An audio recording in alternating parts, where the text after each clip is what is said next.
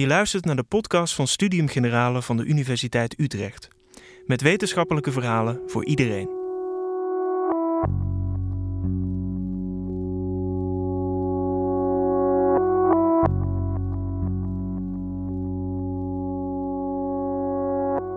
Van de Russische bemoeienis met de Amerikaanse verkiezingen tot de annexatie van de Krim. Voor het beleid van Poetin hebben Nederlanders meestal geen begrip. Volgens schrijver Pieter Waterdrinker nemen we te weinig moeite om de psyche van de Russische leider te doorgronden. Dat is vreemd, want het nabije lot van Rusland en dus dat van Europa hangt van hem af. Welke historische gebeurtenissen bepalen Poetins houding naar het Westen en wat kunnen we van hem verwachten?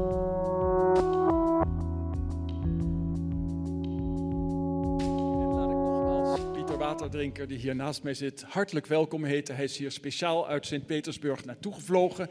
Dus we zijn zeer blij met zijn bezoek. Uh, u kent hem wellicht van zijn artikelen in de Telegraaf of in Vrij Nederland. Uh, zijn boeken zijn volgens mij nog steeds veel te weinig bekend. Het laatste boek, ik ben halverwege. Ik lees het met immens plezier en het is schitterend geschreven.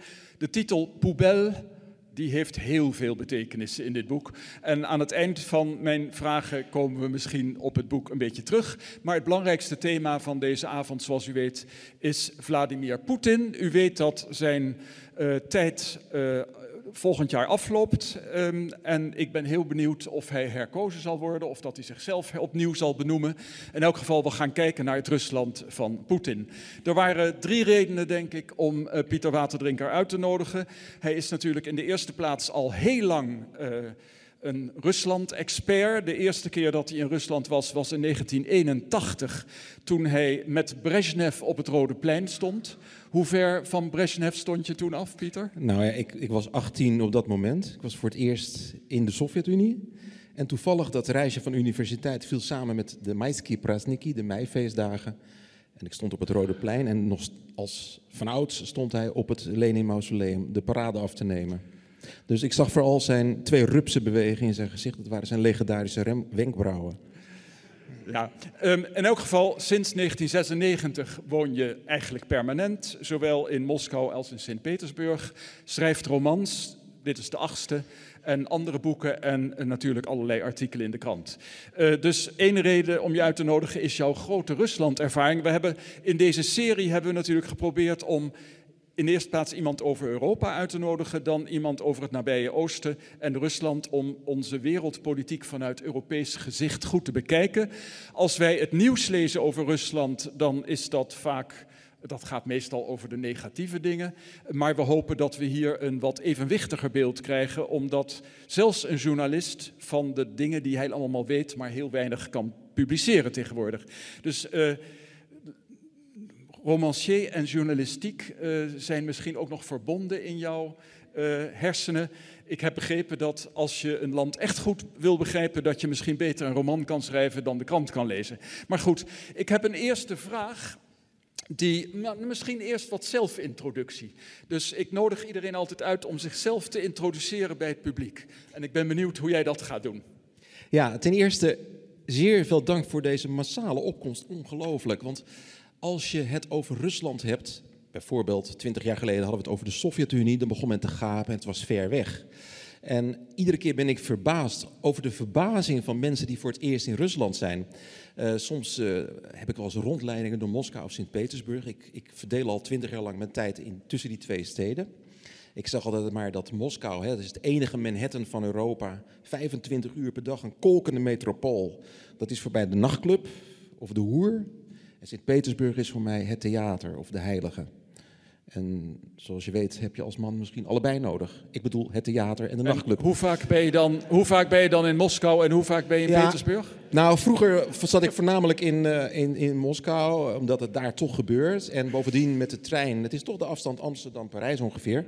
Uh, deed je er lang over, maar tegenwoordig heb je de Sapsan, het Russische antwoord op de hoge snelheidstrein. En je bent binnen 3 uur en 40 minuten heen en weer ongelooflijk luxe, ongelooflijk comfortabel. Terwijl op diezelfde lijn een kwartier later een oud boemeltje vertrekt waarbij nog de kolenstook is. En dat is misschien een verzinnenbeelding van het huidige Rusland. Het is heel modern en tegelijkertijd het is heel uh, ouderwets. Het is een tijdmachine. Alle tijden lopen door elkaar heen. Heel kort over de introductie. Uh, want uh, vaak werd me gezegd van ja, hoe, ben je nou in Rusland terechtgekomen en hoe is dat gegaan? Bij mij heel eenvoudig, ik was 16, ik las voor het eerst heel toevallig een boek Eerste Liefde van Turgenev. En ik leek alsof ik in een andere wereld terecht kwam. Een wereld van, van sprookachtjes met, met, met sabels en landgoederen en natasjas met, met, met, met wimpers als baldakijnen. En ik dacht, als ik nou Russisch ga studeren, dan kom ik in die wereld terecht. Uh, ik, maar ik kwam uiteindelijk in de Spuisstraat op het uh, Slavisch Seminarium terecht in de jaren tachtig. En dat had niets met dat Rusland te maken. Zal ik maar een uiteindelijk citaatje... ben ik daar terechtgekomen. Ja, dus een citaatje over de Universiteit van Amsterdam. Um, daar las ik over in een van je stukken. Een kale, kille academische wereld. Ik wist niet hoe snel ik daar weg moest komen. En uh, de, in het boek hebben we een hoofdpersoon. En ik weet niet of die hoofdpersoon wel eens zegt wat jij ook voelt. Dat is natuurlijk een interessante vraag. In hoeverre van schrijver en hoofdpersoon uit elkaar gehouden moeten worden, dat weet ik niet in dit geval. Maar eh, de hoofdpersoon Wessel Stols die zegt op een goed moment over Nederland dat hij deze immens lelijke delta daadwerkelijk voor altijd wilde verlaten. Is dat een motief om naar Rusland te gaan?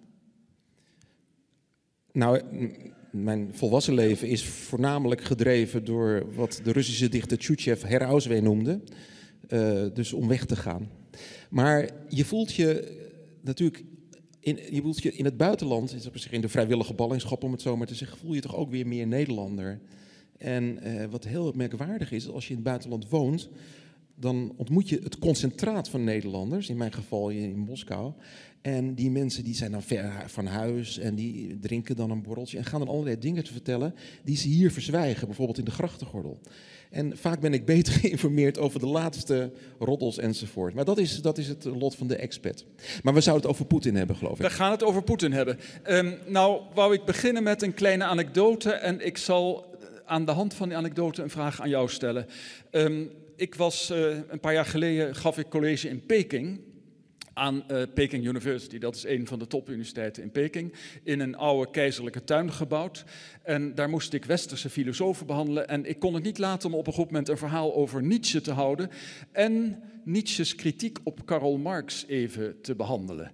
Um, de dag daar, de avond dat ik dat gedaan had, was mijn internetverbinding met de hoogleraar die mij had uitgenodigd verbroken en die is nooit meer hersteld, terwijl de rest van alle e-mails gewoon werkte. Mijn vraag is, Poetin die probeert natuurlijk Rusland ook steeds meer en preciezer onder controle te krijgen. Daar zijn een hele reeks maatregelen genomen. Mijn eerste eh, praktische vraag is, heb jij last aan, van controle door de geheime dienst in Rusland uh, voor jouw internet, voor je telefoon uh, enzovoort? Vraag 1. Oké, maar als filosoof had het uh, in het kleine voorgesprekje hadden we het erover. Ik, volgens mij is het van Schopenhauer, die zei van: Jedes zijn wird nur durch zijn werden erkant. Alles wat in de wereld is, is de resultante van hoe het geworden is. En als we het over Poetin hebben, en ik, ik, ik blijf dat altijd benadrukken, en ik was aanvankelijk denk ik wel een van de eerste die, die dat zo omschreef. Poetin is ook een mens, maar niet zomaar een mens dat gekozen is of, of aan de macht is gesteld, maar iemand die volstrekt aan het hoofd staat van het grootste rijk nog altijd ter wereld, namelijk het Russische Rijk. De Sovjet-Unie was het grootste land ter wereld, is uiteengevallen in 91, maar nog steeds is het een land van immense proporties. Ik bedoel, het begint eigenlijk al bij, bij Winterswijk en het eindigt bij de grens van Noord-Korea. Ik ben daar eens geweest op die grens van Noord-Korea. Alles wat daar gebeurt, uh, wordt door één man beslist. In dat opzicht heeft hij de tsaristische traditie voortgezet en ook de Sovjet-traditie. Er is eigenlijk nooit een césuur geweest. Dus als je het over het huidige Rusland hebt, als je het over Poetin hebt, moet je altijd bewust zijn van de geschiedenis, de specifieke geschiedenis van Rusland in dat geval. Um, in Sint-Petersburg woon ik in de Tchaikovsky-straat, nummer 40. En dat is titel van mijn volgende boek, waar ik het, wat ik het over de revolutie zal hebben, van die volgende maand 100 jaar geleden is. Maar vlak in mijn buurtje is Poetin opgegroeid. In een onooglijk straatje, je gaat een binnenplaats op. Er is een hek nu voor gezet, voor de rest staat er geen maquette of plaquette. En eh, een donkere binnenplaats, zo'n typische Dostoevsky-achtige koer ga je op. En daar op dat binnenhof woonde hij, is weer opgegroeid in de jaren 50 in een communalka, waar de ratten letterlijk in het portiek rondliepen. En ja, hij, hij, hij was een nationalist. Hij, je had daar ook het pendant van, van onze James Bond. Dat was op televisie en daar, dat, daar waren spionnen, Sovjet-spionnen, die de, het, het, het kapitalistische Westen gingen verslaan. En daar werd hij door gegrepen. Zoals u weet misschien, heeft hij als jongeling zich al aangemeld bij de KGB. Toen zeiden ze, ga eerst nu maar studeren. Hij heeft toen rechten gedaan. Vervolgens, toen hij dat had afge, afgerond, heel snel in een nutshell ging hij naar de DDR. Hij is daar spion geweest. Hij moest mensen afluisteren, ondervragen.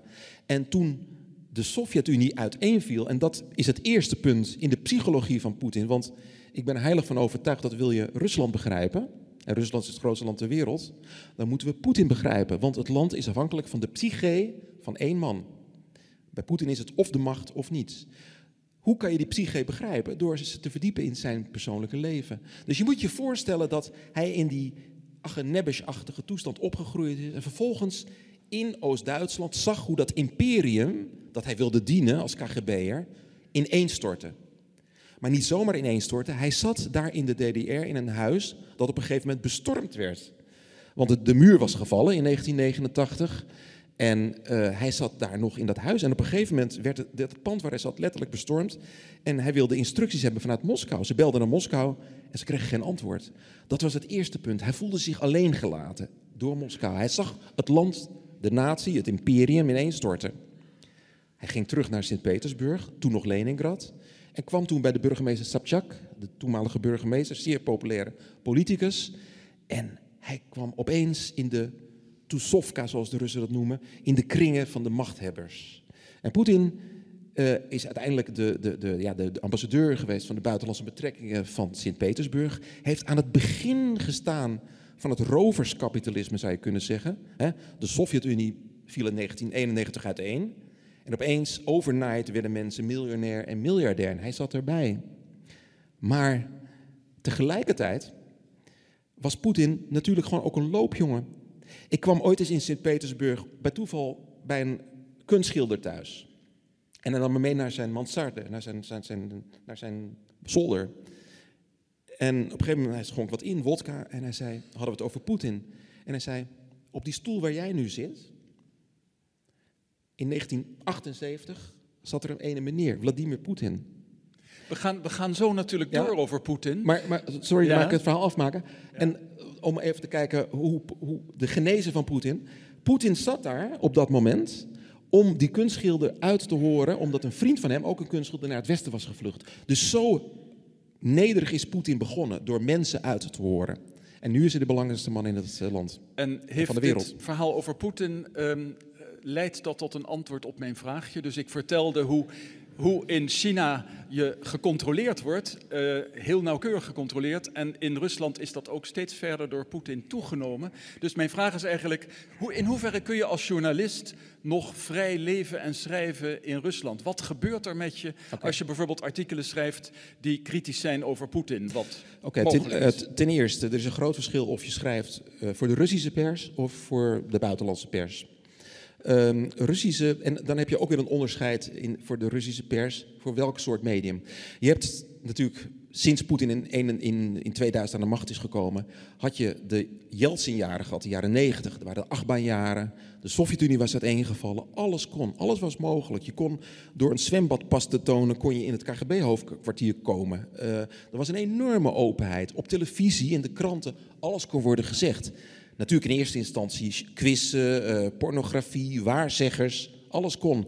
Maar ook bijvoorbeeld had je een tv-kanaal, NTW, die toen over de oorlog in Tsjetsjenië, die begon toen in 96, uitermate goed, je zou nu kunnen zeggen, kwaliteitsjournalistiek op tv-berichten. Yeltsin was toen aan de macht en wij uh, denken vaak terug van dat was een democraat, maar Yeltsin is in 96 gekozen door een, een, een, conctie van rijke oligarchen. Die hebben hem gewoon gesteund. Uh, eigenlijk heel oneerlijk. Maar goed, hij was een democraat in die zin dat hij de pers onaangetast liet.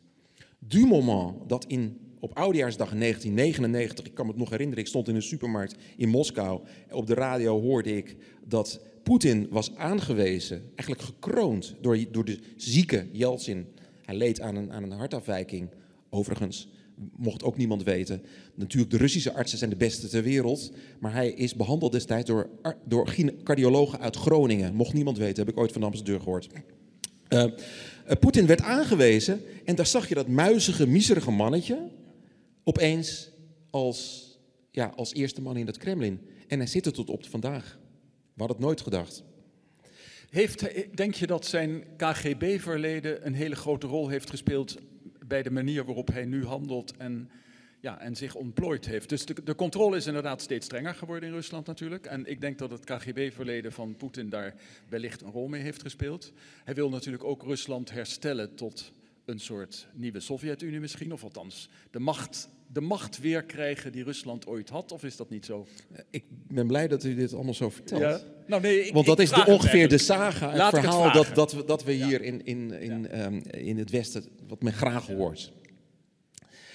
Um, om even het verhaal af te maken over het afluisteren. In de Sovjet-tijd werd elke kamer afgeluisterd. Wij wisten dat. Het bekende Jozef Lunch die zei van... dat zou me toch wel enorm tegenvallen als ik morgen niet 8 kilo caviar krijg van de partijleider. En dat riep hij tegen de muur. En inderdaad, de volgende dag toen hij terugging naar Den Haag... kreeg hij exact 8 kilo caviar, niet 7 of 9. Dus dat was uh, quod het bewijs dat, dat, dat, dat je werd afgeluisterd. Uh, toen ik daar kwam in, in die periode, 81, uh, eh, ja, dat was een James Bond-achtige tijd. Je kwam in de lobby van Hotel Intourist aan de Gorky-straat, dat nu de Tverskaya-straat heet. En daar zaten veel dames met, met benen van hun, met tot hun oren, bij wijze van spreken. En dan wist je dat je daar uit de buurt moest blijven. Althans, dat werd je gezegd. Dus die, al die, die, die, die KGB of die James Bond-clichés waren waar. Uh, toen ik begon te, uh, als correspondent in 1996, zat ik in een flat die ik over had genomen van Philip Remarque. Die was mijn voorganger destijds met Sylvia Witteman in, in Moskou. En toen had ik wel eens een gesprek met Amsterdam. Ik legde de horen neer. Toen bestond natuurlijk nog geen internet en geen mobiele telefoon. Legde de hoorn neer. Telefoon ging weer. Ik nam op en ik hoorde het gesprek letterlijk terug. Wat ik zojuist had gevoerd. In dat pand zat gewoon iemand bandjes te verwisselen. En dat had het bandje gewoon verkeerd ingedrukt. Um, uh, zo ging dat. Um, om nou te zeggen dat het allemaal steeds strenger wordt, uh, dat, dat betwijfel ik. Um, het is in Rusland altijd net waar je de, de nadruk op legt. Natuurlijk uh, worden, mensen, worden mensen afgeluisterd. En zeker op dit moment is er nogal een dossier, we hopen dat we het misschien daar over het MH17-dossier, ligt boven de markt. Dus Nederland is van zeer groot belang. Dus natuurlijk mensen die daarmee te maken hebben worden afgeluisterd. Maar tegelijkertijd, en dat wil ik, wens ik te benadrukken, zou je ook kunnen zeggen, de staatstv heeft Poetin in 2000 onder controle gebracht. Dus, dat, dus al die oligarchen die privézenders hadden, die zijn of gevlucht, of het land uitgezet enzovoort. Dus de staatstv is niet om aan te zien. Het is te vergelijken met de Sovjet-Unie. Maar tegelijkertijd is er ook een enorme openheid en vrijheid in, in andere uitingen. Het bestaat naast elkaar. Waardoor houdt Poetin tot op heden zijn entourage het land in de macht? Is omdat in de kleine kranten, zoals zeg maar, de, de, de, de zeg maar, de Russische NRC, die wordt er een paar duizend man gelezen. Dat wordt toegestaan. Maar het grote medium is nog altijd de, de, de televisie. En tot in de grootst, verste uithoeken van Siberië, in het Verre Oosten, kijken mensen tv en zien daar het verhaal zoals Poetin dat vertelt. Of het nu gaat over de uitbreiding van de NAVO, of het gaat over Oekraïne, over de oorlog in Syrië. En dat verhaal dat zeer zorgvuldig wordt voorbereid op de burelen, zoals in de Sovjet-Unie, ziet men en wordt geloofd. Dat is de werkelijkheid, de enorme macht van de media. Mijn hypothese is dat bij, maar ik, ik, probeer mijn hypotheses een beetje uit en hoop dat ze allemaal weerlegd worden vanavond. Uh, volgende hypothese van mij is dat Poetin ook relatief populair is geworden doordat de olieprijzen relatief hoog waren, althans tot een tijdje geleden. En dat de meeste Russen dus ook economisch dachten dat ze langzaam vooruit gingen, zo'n 2,5% over de laatste, nou ja, tot misschien een paar jaar geleden, over de laatste tien jaar.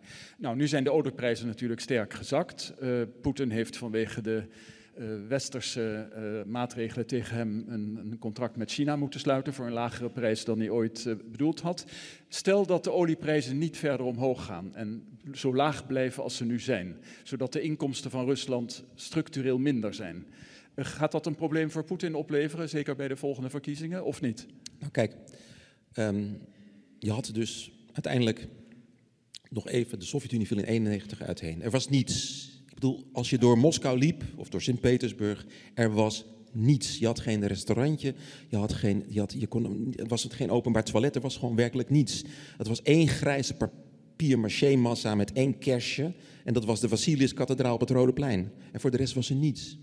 Als je nu het huidige Moskou bekijkt, wat ik zei, het is niet een stad die 24 uur, maar 25 uur per dag overkookt. Met auto's, met, met restaurants, met winkelcentra. Ik liep uh, door Hoogkaterijnen. En wat hebben we in Nederland eigenlijk, Hoogkaterijnen? Uh, Russen gaan naar Nederland en die zitten dan in een hotel in Amsterdam. Zeggen ze, waar kunnen, we, waar kunnen onze boodschappen doen? Dan zeggen ze, u moet naar de PC Hoofdstraat gaan. Maar in elk willekeurig hotel heeft 20 PC Hoofdstraat in één hotel. Die Russen zijn enorm verwend. En dan zeggen, ja, er is een enorm verschil tussen arm en rijk. Ja, dat is ook zo. Maar Moskou heeft 12, 13, 14 miljoen inwoners en 5% 4, 5% van hen is miljonair. Dan hebben we het over de bevolking van Amsterdam, die miljonair is. En die dicteert het straatbeeld. Dus als je het hebt, hebben de mensen het, dachten ze dat ze het beter krijgen, kregen. Het is gewoon een feit dat onder Poetin, hij had het geluk dat de olieprijzen hoog waren en bleven stijgen, had hij, ja, heeft hij een sociaal, sociaal contract met de bevolking gesloten. Het volgende. Ik zorg dat jullie het beter krijgen. Ik zorg dat jullie jullie inkomen vooruit gaan, dat jullie auto's kunnen kopen, dat jullie op vakantie kunnen gaan naar Turkije en naar, naar weet ik veel wat.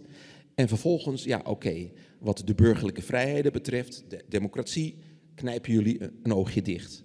Dat sociale contract staat natuurlijk wel onder druk. Nu heel veel Russen het minder krijgen. We hadden in 2013, 14 hadden we dat beroemde, die opstand op het, eh, op het Moerasplein in Moskou, waarbij vlak nadat de Duma-verkiezingen gewoon waren verfalsificeerd. Er waren onregelmatigheden. En met name die middenklasse, dat waren de mensen die bij banken werken, bij reisbureaus enzovoort, die het iets beter hadden gekregen, die konden reizen. En, ja, en als dan de materiële welvaart op een hoger niveau zit, wil je ook iets immaterieels. En dat wil zeggen dat je, iets, dat je mee wil beslissen aan het lot van de toekomst. Op dat moment is Poetin met een gestrekt been erin gegaan en heeft gezegd: Oké, dit niet.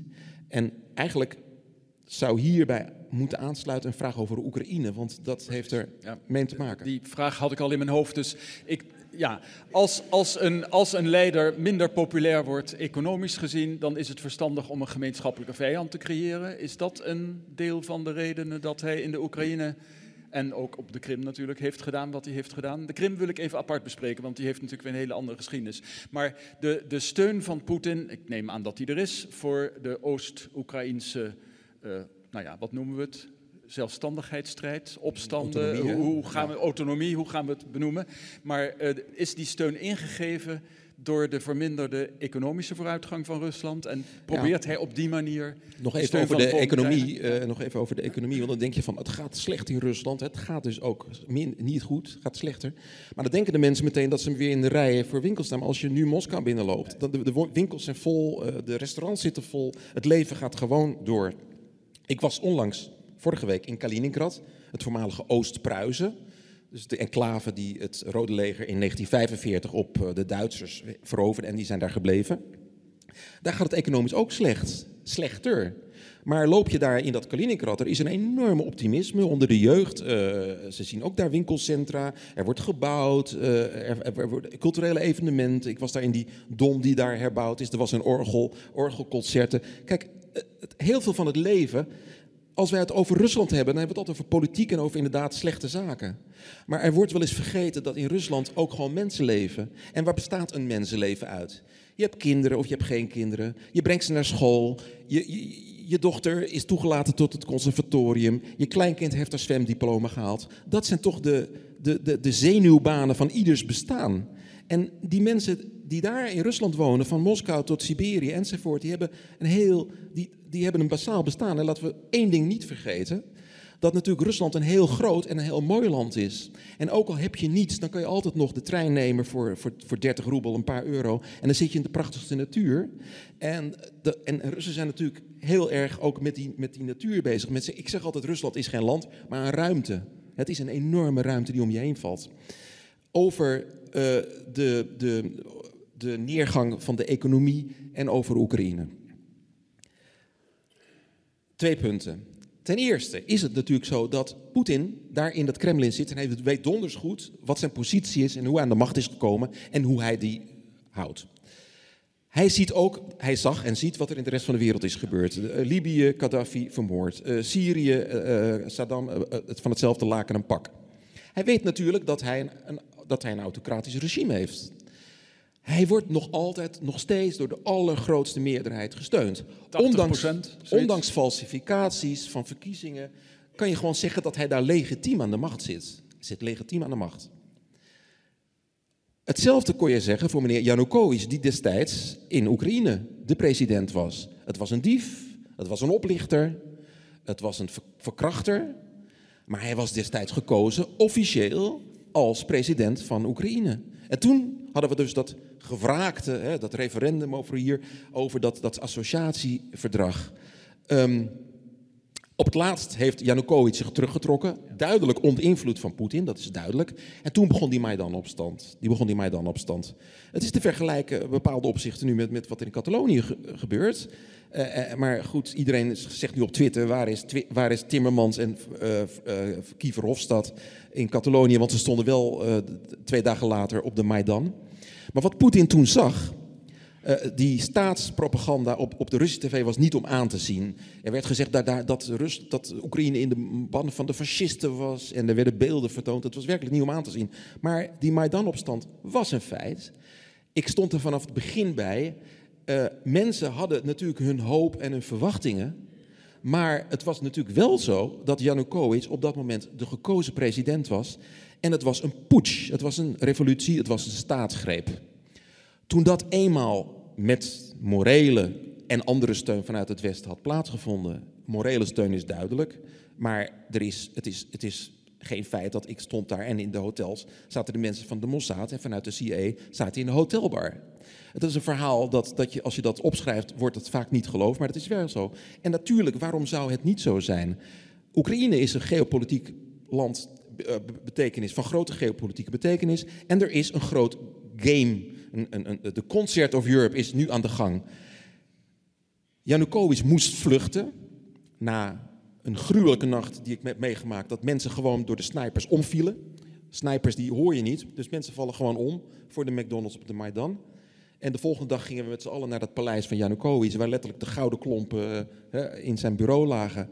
Maar Poetin zag dat en die dacht, heden ik morgen gij. Het is dus mogelijk dat, dat iemand die aanvankelijk populair was, namelijk gekozen, zo kan worden weggeschoven. Natuurlijk denkt Poetin vanuit zijn KGB-opvoeding van daar zit het Westen achter. En deels zit het Westen er ook achter, zoals Rusland over, achter heel veel dingen in het Westen zit. En toen zei Poetin, dit is genoeg. De eerste groene mannetjes verschenen op de Krim, niks toegeven. Pas als het feit daar is, dan gaan we praten. De Krim werd er doorheen gejast, dat referendum werd er ook doorheen gejast. Ik was daar op dat moment. En inderdaad, acht van de tien mensen wilden gewoon terug bij Rusland. Het is nu eenmaal zo. Uh, het, de internationaal rechtelijk kan niet door de beugel. Maar Poetin heeft gewoon gezegd: hier tot hier en niet verder, want anders wappert de NAVO-vlag in de haven van Sebastopol. Misschien een historische voetnoot. Dus de Krim is natuurlijk veroverd door Catharina de Grote. En pas Khrushchev omdat hij ja, eigenlijk een Oekraïner was, heeft besloten dat de Krim ineens bij de Oekraïne moest horen en niet bij Rusland. Ja, die heeft dat, in een dronken avond gewoon weggegeven. dus dat was, dat was een historische toevalligheid. Dus ik, ik kan me voorstellen, ik kan me inleven in Poetin in dit verband. Die zegt, ja, de Krim hoort natuurlijk veel meer bij Rusland dan bij de Oekraïne. Of kun jij je niet inleven op deze manier? Allebei. Kijk, ja. internationaal rechtelijk kan het niet door de beugel. Maar als je het vanuit het, het, het perspectief nogmaals... Kijk, dus, dus grosso modo zou je twee dingen kunnen zeggen. Je hebt tegenwoordig het woord Poetin versteer. Dat wil zeggen mensen die alles wat Poetin doet goed praten of grotendeels goed praten. Maar je kan ook een Poetin erkleren zijn. Dus proberen uit te leggen hoe hij denkt. En misschien is het, is het beter om te betrachten hoe hij denkt, om dan te begrijpen het, het, gedrag. En Poetin zag gewoon van hier beneden in, in, in de achtertuin een gebied dat tot de Sovjet-Unie behoorde, tot het gebied waar ik als, als jongeling rond kon lopen. Als dat daar gebeurt, uh, dan, dan, dan moet ik daar eh, paal en perk uh, te, tegenstellen. En hij kreeg daarmee de Russische bevolking mee. met, met, en dat, natuurlijk heeft dat heel veel in die patriotistische vloed, het ging economisch slechter, heeft dat zijn populariteit weer opgekrikt. Maar bij populariteit is het dat je altijd steeds verder moet als, als, als het slechter gaat. En, en, en vervolgens kwam het avontuur in Oost-Oekraïne. Maar ja, dat, dat, duurt nu nog voort. As we speak gaan daar mensen dood, uh, sterven de mensen. Het is natuurlijk een, een, een, frozen conflict, zoals dat heet. En Poetin weet donders goed, zolang er in een, in een land een conflict is, kan het nog bij de Europese Unie en nog bij de NAVO. Dus, uh... Wij gaan nog tien minuten samen praten en dan krijgt de zaal de gelegenheid om vragen te stellen. Dus laat ik proberen om, om de prangende vragen die ik natuurlijk nog heb, uh, om die even snel te formuleren. Um, Baltische Staten. Uh, daar is net een legeroefening in de buurt geweest. Um, de Baltische Staten zelf denken natuurlijk, oh jee, uh, dit is een nieuwe poging van Rusland om ons ofwel een beetje te bedreigen of misschien gaan ze ons wel ineens binnenvallen.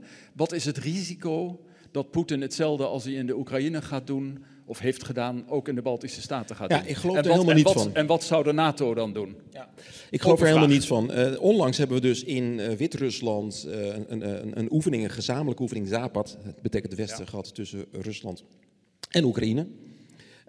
en dat, wat, dat, de Russen doen dat al jaren en zeggen het is een antwoord op de machinaties van wat er in Oost, van Oost-Europa van NAVO-kant gebeurt. Het is natuurlijk een feit dat de Baltische landen zijn tot de NATO, NAVO, NATO, toegetreden vrij direct na de val van de Sovjet-Unie. Polen, de grote instigator, heeft natuurlijk een historisch een hele getroubleerde relatie met Rusland. Door de eeuwen heen, altijd onderdrukt, dan weer vrij, enzovoort, enzovoort. Dus die heeft een enorme grote politieke rol en ook een grote lobby uh, in, in, in Brussel, zowel bij de Europese Unie als bij de NAVO. De Baltische landen hebben natuurlijk ook een enorme historische beladenheid. Die hebben natuurlijk gewoon ja, altijd tot, heel lang tot het Tsaarrijk behoord. Waren in het interbellum tussen de Eerste en Tweede Wereldoorlog even onafhankelijk. Uh, maar het is een hele diffuse geschiedenis. Met, met, met, als je naar de hoofdstad van Letland gaat, Riga, is daar weer de helft van de bevolking is Russisch. Uh, ik ben daar vorig jaar geweest voor Vrij Nederland om, om, te zeggen van jongens, ik wil weten in hoeverre de mensen daar nou de oorlogdreiging zien. Want dat hoorde ik allemaal vanuit Brussel. Brussel. Van ja, de, de letters zijn bang en de, dat de Russen komen. Helemaal niet. Ik bedoel, ik ging in de dierentuin zitten, ik sprak mensen aan. Ik zeg, bent u bang? Terwijl iemand naar een apenhok keek. Bent u nou bang voor oorlog? Helemaal niet. En ik ging naar de universiteit. Nee, helemaal niet. En kunt u goed met elkaar opschieten? Ja, eigenlijk wel. Kijk, uh, dat, dat het geopolitieke spel dat op dit moment plaatsvindt tussen het Westen, naar aanleiding van de, van de Krim en de annexatie enzovoort, heel levensgevaarlijk is, dat is een feit. Maar we moeten ook niet onderschatten dat in, het, in, het, geval van de Baltische landen, dat het jonge landen zijn, die natuurlijk gewoon ja, steun willen hebben uit Europa, waarbij feiten natuurlijk ook af en toe worden verdraaid. En als we het dan toch over de Baltische landen hebben, wil ik toch een kleine anekdote nog heel kort zeggen over bijvoorbeeld Litouwen. Ik zat dus in, Rusland, in Moskou met een Litouwer, iemand uit Litouwen, die sprak Russisch, en, en, uh, maar goed, in de, in de Sovjet-tijd uh, sprak iedereen al daar. En die had een vriend in het Europees parlement. Had hij samen mee op school geweest. En die, die, dat parlementslid uh, zei van, uh, tegen die belde die vriend op en zegt, we gaan zaken doen. Hoezo? Ja jongen, het is geweldig hier. Ik zit nu in, in Brussel, allemaal subsidies enzovoort. Die hebben een, een bedrijfje opgericht in, in Vilnius, de hoofdstad van Litouwen. En vervolgens gingen ze moerasgrond opkopen. Dat kost helemaal niets. Dat, een dubbeltje per hectare of zoiets, wat was niets waard. En vervolgens heeft hij gezegd, jullie, jullie zijn gek daar. Ik zeg, jullie, jullie zijn gek. Ik zeg, hoezo? Die vriend, we hebben dat bedrijfje opgericht. We hebben, het eerste jaar hebben we 3 miljoen euro subsidie gekregen. En, en ik zeg dit niet om, om nu Europa af te katten, maar meer in het algemeen dat wij van twee dingen uitgaan. We zijn natuurlijk hier in Europa na de oorlog, zoals we hier zitten, merendeels denk ik opgegroeid. We hadden het Oostblok, dat was ver weg. We dachten dat het altijd zo was geweest, dat in de jaren 30 Nederlanders uh, net zo naar Litouwen en naar Oekraïne reisden en naar Hongarije. Uh, als nu. Hè. Eigenlijk wat je nu ziet is gewoon de restauratie van wat vroeger was. Thomas Mann zat in, in Toot in Venedig, zat, beschrijft hij dat hij daar met een Pool zat, met een Rus enzovoort. Dat was in het begin van de 19e eeuw volstrekt normaal. Um, we, we, hebben te maken met het feit dat de psychologie totaal anders is in, landen als, als, als de voormalige Sovjet-Unie. En wij gaan uit van een vooruitgangsgeloof dat de mens goed is één ding. En we zijn toekomstgericht. Maar in, in Rusland, zoals ook in het Midden-Oosten, is de geschiedenis nog vele malen belangrijker voor de individuen en voor het collectief dan wij denken. Het is natuurlijk niet voor niets dat Poetin weer Russisch-orthodox is geworden waarschijnlijk. Dat hoort bij, Dat bij hoort de revival van, Ja. van, van het, conservatieve, eh, het conservatisme waaraan Rusland onderhevig is. Hè, maar ik, ik heb ooit een keer, dat is wel illustratief, gezegd dat na de val van de Sovjet-Unie in 1991 sto- de, het Rusland van de, van de 19e eeuw uit een duveltje uit de doosje naar boven is gekomen. Ik wil het illustreren heel kort. Ik heb ooit met twee romans. U kent allemaal natuurlijk de roman Eline Veren van Couperus. Dat speelt zich af in het 19e eeuwse Den Haag. De hoofdpersoon is een vrouw. U kent ongetwijfeld ook de roman Anna Karenina van Tolstoy. Tolstoy, Tolstoy. En we hebben ook Flaubert, eh, Madame Bovary, maar die laat ik er even buiten. Het was heel eh, populair om in de 19e eeuw over, over vrouwen te schrijven. Maar als je Eline Veren, die roman van Couperus, nu bekijkt... en je vergelijkt dat met het Den Haag van thans... dan is eigenlijk alles anders. Oké, de gebouwen staan er nog, maar de relaties tussen man en vrouw zijn verschillend. De sociaal-economische, eh, hoe mensen met elkaar omgaan, enzovoort. Maar als je de roman Anna Karenina van Tolstoy bekijkt en je gaat het vergelijken met het huidige Rusland, dan kom je tot ongelooflijke parallellen. In de 19e eeuw had je niet Poetin, de president, maar had je de tsaar. En de tsaar zat in het Winterpaleis. En rondom hem, je kan nog steeds, als u er bent geweest of niet geweest, al die paleizen, zat de adel. Poetin steunde op de adel. En vervolgens werd de massa onderdrukt. Het is niet voor niks dat 100 jaar geleden de, revolutie... De, tsaar steunde op de adel. Ja. Zei Poetin. Ja, nee, de Sorry, tsaar. de tsaar heeft hem daar. Eh, als, we, als we kijken naar het huidige Rusland, dan zien we dat, dat oké, de hoofdstad is verplaatst van, van Sint-Petersburg naar Moskou. En we hebben geen tsaar, maar we hebben Poetin. En de coterie van Poetin bestaat nu niet uit de adel, maar uit de nieuwe adel, de oligarchen, de invloedrijke bankiers, die rond Poetin trouwens in de bossen eh, van buiten Moskou wonen.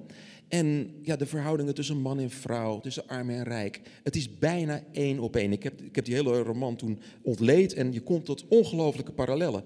Dus we hebben te maken met een land dat uiterlijk, Moskou is misschien wel 22e eeuw, heel erg modern. En iedereen, eh, de, de, de wifi of wifi is daar vele malen beter dan hier over het algemeen. En, enzovoort. En de winkels zien er eh, gelikter uit. Maar in de psyche, in de geest, is Rusland eigenlijk heel erg 19e eeuws gebleven.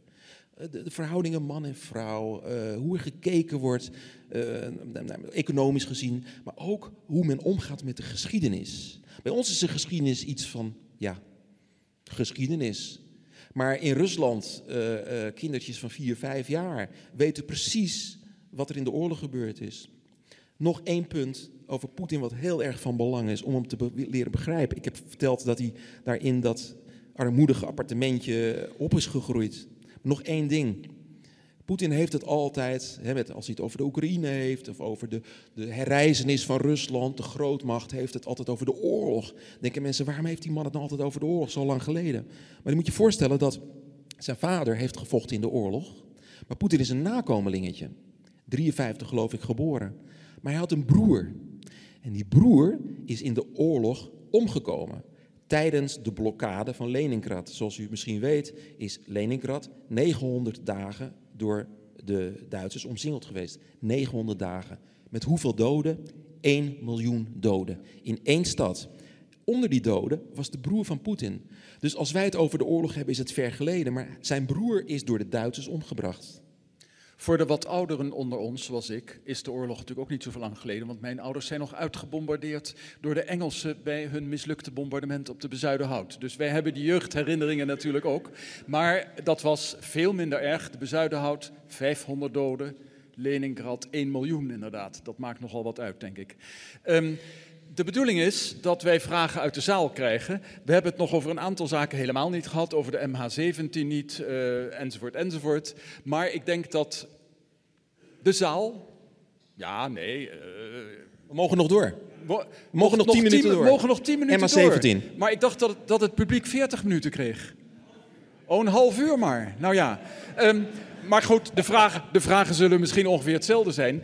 Ehm, ik, ja, dus mijn, mijn algemene vraag was, hoe groot is de expansiedrang van Rusland nou eigenlijk? En u zei met betrekking tot uh, de Baltische Staten, nou, die zijn er in elk geval niet bang voor. En het is projectie van ons dat wij denken dat die grote militaire oefeningen van Rusland misschien ook een dreiging zijn. Bij de Oekraïne waren er natuurlijk ook grote militaire oefeningen van Rusland. Die bleken wel impact te hebben.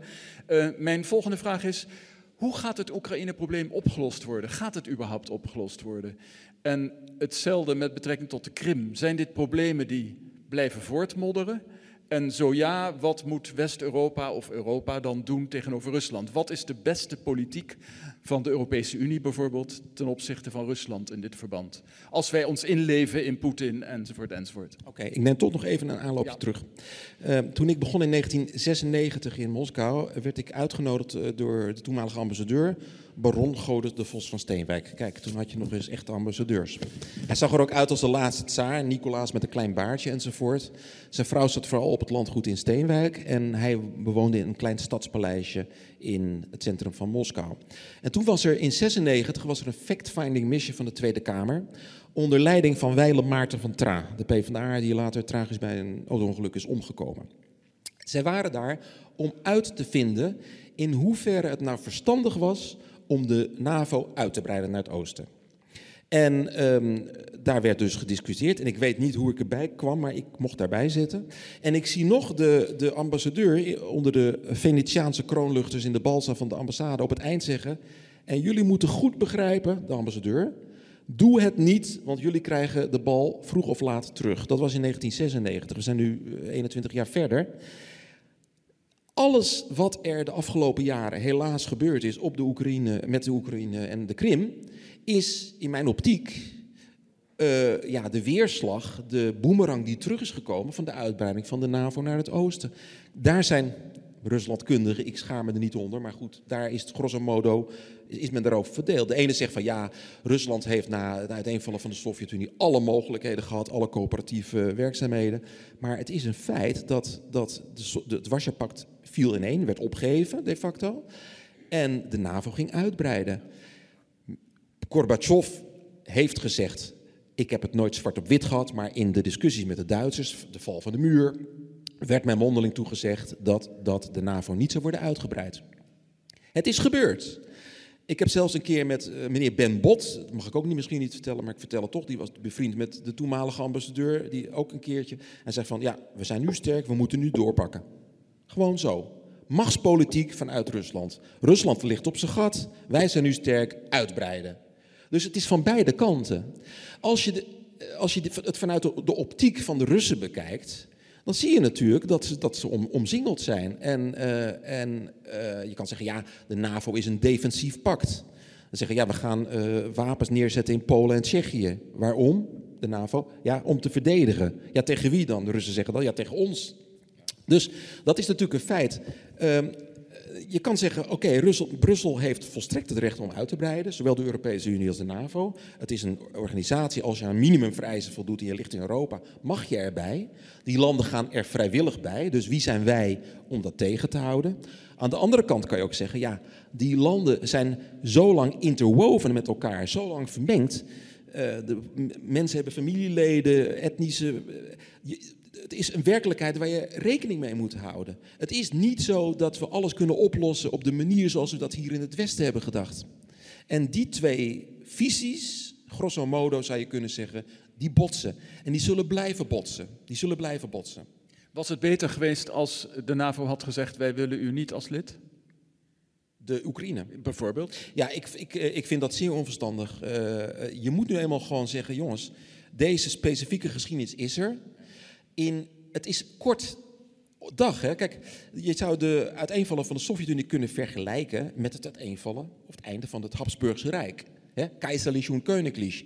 Het Habsburgse Rijk was het grootste rijk ter wereld. Nou, een van mijn lievelingsschrijvers, Jozef Roos, die heeft het alleen maar over heimwee naar het, naar het Oostenrijks-Hongaarse Rijk.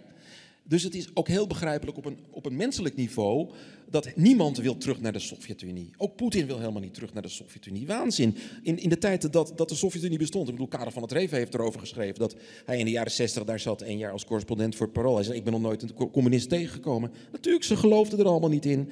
Uh, men offerde op een altaar van een godheid waarin men niet geloofde. Daardoor is die Sovjet-Unie ook uiteindelijk uiteengevallen. Door, met heel veel andere factoren. Natuurlijk wil ze niet terug, maar het is wel een feit dat het een, een, een, een, Rusland is wat het is. Het is het grootste land, geografisch gezien. Het is een land dat altijd een strijd heeft geleverd. Zijn we nou westers, zijn we oosters of zijn we een derde categorie, sui generis? Ik denk het laatste. En daar moeten we rekening mee houden, vind ik. En we, we moeten daar ook kennis van nemen. En wat, wat mij altijd bedroeft, is omdat ik er zo lang zit en ik heb toch ook heel veel boeken geschreven waarbij ik inderdaad denk dat in de romans vaak meer verteld kan worden dan in een stuk in de krant of in een tijdschrift. Dat wij eh, toch ons, dat we eigenlijk moreel verplicht zijn om ons ook voor ons eigen lot, voor het welbegrepen eigenbelang, dat we ons moeten verdiepen erin. Dat was in de geschiedenis en in de cultuur. Dat was natuurlijk een van de redenen om je uit te nodigen hier. Dat wij een beeld krijgen van Rusland wat we niet uit de krant krijgen. Omdat de krant vaak vijandbeelden opklopt. En uh, ik denk dat het heel verstandig is om, nou ja, om ook invoelingsvermogen te hebben in wat Russen beweegt. En uh, hoe dat land op het ogenblik ja, met allerlei moeilijkheden kampt. En, ik, ik, kan hier, als, ik kan hier, als je me drie minuten geeft, kan ik een verhaal vertellen hoe geweldig Rusland is. Drie minuten, nou oké. Okay als slot, dan krijg je de, na, en, en, drie minuten en dan okay, krijg je de zaal de vraag. Anderhalve minuut hoe geweldig het is en anderhalve minuut hoe slecht het is. Voorbeeld, hoe eh. slecht het is, daar begin ik mee. Oh. Mijn, mijn, mijn, mijn schoonmoeder is uh, anderhalf jaar geleden, of twee, nee, het is langer, vier jaar geleden overleden. Op een dag zei mijn vrouw, mijn moeder is ziek, ze heeft uh, iets aan de blaas. En um, vervolgens zei de arts is blaaskanker, kan niks meer aan gedaan worden. Uh, maar ja, waar praat u over? Ze is 73, een stokoude vrouw. Zo wordt er gedacht, hè? heel erg. Maar wij wisten natuurlijk, als je in een ziekenhuis komt, je moet meteen met steekgeld komen, anders ga je aan de scheurbuik ten onder of aan infecties. Dus wij hebben de, de meteen geld gegeven aan de beste artsen. Vervolgens, het, het redde niet, ze, overleed vrij snel. We hebben toen sectie verricht. Het bleek dat ze helemaal geen uh, blaaskanker had, maar een verwaarloosde blaasontsteking. Dat is, als je dat en ik kan hier honderden voorbeelden uh, van, van geven. De gezondheidszorg, zodra je met gezondheidszorg, gekkenhuizen, justitie, hè, want ik bedoel, de, elke rechter loopt aan de leidraad van het, van het Kremlin. Zodra je daarmee in aanraking komt, dan ben je echt in aap gelogeerd. Misschien sociale voorzieningen, zijn die er die zijn nul, nog? Nul, hè? Bij, gewoon nul. Als je geen werk hebt, krijg je geen uitkering in Rusland. Mijn Ook schoonvader, allemaal niet. Mijn schoonvader is onlangs overleden, heeft tot 77ste gewerkt. Een zeer hoog gespecialiseerde uh, uh, ingenieur. Hij werkte bij het scheepsregister. Zeer gespecialiseerd. Hij had een pensioen van 16.000 roebel. Dat is nu 210 euro. Na een leven lang werken. En dan ben je hoog gespecialiseerd. Per maand of per jaar? Per maand. 210 euro in een land waar een Kokovit prospect 6, 6 euro kost. Hè? Tegen, en een spijkerbroek 200 euro. Dus dezelfde prijs als hier. Gruwelijk land. Gruwelijk land. Onderdrukking van de vrije pers enzovoort. Tegelijkertijd, tegelijkertijd als je in Rusland woont en bent, en dat geldt niet alleen voor mij, maar ook voor heel veel Russen, is het een land met een overweldigende natuur. Het heeft grote steden, cultuur. Het, ehm, eh, wat ik zeg, mensen leven op een microniveau. Uh, in de Sovjet-Unie had je de uitdrukking innerlijke emigratie, hè, innere emigration. Dat wil zeggen, laat al die mensen daar maar aan de hoge kant zitten. Ik ga mijn eigen leven vormgeven. En heel veel Russen doen dat. En op die manier hebben ze eigenlijk een heel prettig en aardig bestaan. Dus je kan, ja, hemelhoog, ja, het is een heel manisch-depressief land in wezen. Het is maar net in welke curve je wil zitten. Prachtig, prachtig. Um, wij hebben vragen en ik zie uh, de meneer op de derde rij komt eerst. Ja, de derde? die was voor u. Oké. Okay. Pardon. De microfoon komt eraan. Geen Uh, ik heb een vraagje over het, uh, het handelsverdrag met Oekraïne. Want uh, Janukovic zei in 2013 tegen de EU eigenlijk van nou, jullie deal, ik bedank vriendelijk. omdat hij eigenlijk zei van nou, die, het weegt niet op tegen de handelsrelaties die ik met Rusland heb. En wellicht ook dat hij onder druk werd gezet door, door, door Kremlin. Um, en hij heeft toen vervolgens voorgesteld van laten we nou eens niet alleen met twee, maar desnoods met het Kremlin ook nog eens een keer om die tafel gaan zitten. En de EU heeft eigenlijk ja, dat afgezegd, omdat ze zoiets hadden van hé, want dan zal dat land gelijk bij de Eurasische Unie aansluiten en bla bla bla. En dan heb ik best wel vaak discussies daarover met mensen. Omdat ik denk van, nou, had toch, had toch in ieder geval die diplomatieke optie een kans gegeven. Waarvan mensen vaak tegen me zeggen, ja, maar denk je nou echt dat, dat de Russen ook maar een haar dat daar ook maar iets zinnigs uit. Hoe denkt u daarover? Wederom, eh, wederom, het is maar net van welke kant je het bekijkt. Je zou kunnen zeggen: oké, Brussel wil een associatieverdrag met Oekraïne. Oekraïne wil, wilde dat aanvankelijk zelf. Janukovic wilde dat. Oké, prima. Er is heel veel overleg geweest. Maar te elfde uren heeft, heeft, heeft Janukovic dat teruggetrokken. Waarom? Natuurlijk doordat het Kremlin hem onder druk zette. Kan je zeggen, die rot Russen daar, dat rot Kremlin, die Poetin. Maar bekijk het eens van de kant van de Russen. Uh, de economieën van Oekraïne en Rusland waren intertwined, waren verweven met elkaar. Als de grenzen zouden wegvallen van Oekraïne met Rusland, zouden er goedkope producten in Oekraïne komen en zo via de huidige toenmalige vigerende wetgeving zo de Russische markt op kunnen komen, waardoor de Russische productie werd eh, bedreigd. Zo werd dat gezien. Rusland heeft altijd gezegd, laten we daar, daar een tripartite overleg over voeren. Maar een tripartite overleg kent de Europese Unie niet. Het is allemaal op bilateraal niveau. Dus eigenlijk is, zou je kunnen zeggen dat, uh, dat, de, dat de wens van de, de uitkomst van een overleg tussen Rusland, Oekraïne en de Europese Unie is vastgelopen in het prikkeldraad van de rigide Europese wetgeving. Men zei van we gaan niet met z'n drieën overleggen, wij overleggen alleen maar met één partij. En, en, en tot, dat, er zijn meerdere fouten gemaakt, maar dat is ongeveer het verhaal. Hebt u dit advies ook wel eens aan de Europese Unie gegeven, dat ze meer tripartite mogelijkheden voor overleg moeten scheppen? Want u kent natuurlijk een heleboel van de Europese parlementsleden en zo. Ja, nou, ja, ik ken, nou, ik ken Frans Timmermans bijvoorbeeld. Die, uh, en het gekke is dus, als er nou één iemand is die, die, die uh, de dingen begrijpt zoals ik die zojuist misschien heb verteld, is het Frans Timmermans wel. Hij spreekt Russisch. Ik, hij was daar ooit op de ambassade van Moskou enzovoort. Ja, en hij, zit, hij is nu de tweede man in de Europese Unie. Hij zit natuurlijk ook in dat bolwerk en hij heeft een andere functie gekregen. En ik, uh, ik ben absoluut niet tegen Europa, helemaal niet. Nee, niet tegen Europa, maar wel natuurlijk wel tegen bepaalde institutionele zaken die niet goed lopen. Bijvoorbeeld het, zojuist geschetste met Oekraïne. Het kan gewoon fout lopen door de instituties, maar ook door de onwetendheid. De onwetendheid over een andere wereld. In deze roman wordt de Europese Unie niet heel positief afgeschilderd, uh, als ik het zo mag formuleren. Althans, nou ja, Ik, ik, heb, uh, ik heb ooit een week meegelopen daar in dat Palais de l'Europe in, uh, in uh, Straatsburg. En dat was nog, nog heel lang geleden. Alles is lang geleden bij mij. Maar dat was toen in de tijd dat, dat er nog 15 landen van de Europese Unie waren. En ik vergeleek het meteen met de Sovjet-Unie. Toen de Sovjet-Unie nog bestond, had je 15 republieken. En die gingen om de zoveel tijd gingen ze in, in het Kremlin, het grote eh, congrespaleis, gingen ze confereren. En toen kwamen al die partijbazen aanvliegen uit alle republieken, uit Azië, uit Georgië, uit Armenië, uit de Baltische landen, uit Wit-Rusland enzovoort, Krim. En die gingen dan in dat hotel zitten, Hotel Rassia, dat is nu gesloopt. En die gingen daar eten en drinken. Er liepen allemaal dames rond met veel te korte rokjes, dat waren hun secretaresses. En vervolgens met limousines werden ze af en aangereden met het Kremlin. En toen dacht ik van dit is één op één de Europese Unie. En, en, maar dan, als, je, als je dat dan uh, zegt, dan ben je anti-Europees. Maar het is gewoon een waarneming, is het. Goed, dank. Volgende vraag. Ja, ja en ik dan... ben hier. Uh, ik, mag ik hem even vasthouden? Oké. Okay. Uh, ik zal mijn korte opmerking niet als vraag verhullen, maar ik wil hem toch even maken. Ik ken zelf nogal wat Esten, Letten en Litouwers. Dus daar is soms een heel groot verschil in perceptie tussen uh, u als correspondent bijvoorbeeld en, en ik die daar persoonlijke contacten heb. Veel van die mensen die zijn namelijk wel bang. Ze zijn tegelijk ook realistisch. Uh, ze denken niet dat morgen echt Russische divisies binnenkomen trekken, maar ze zijn bezorgd. En ik wil dit even heel kort in een kadertje plaatsen die landen zijn niet afgescheiden van de Sovjet-Unie of zo. Die hebben uiteindelijk hun vrijheid herwonnen, zoals Nederland dat in 1945 van Nazi-Duitsland heeft herwonnen. Wij zijn ook niet afgescheiden van Duitsland in 1945. Wij zijn weer uh, echte soevereine staten geworden.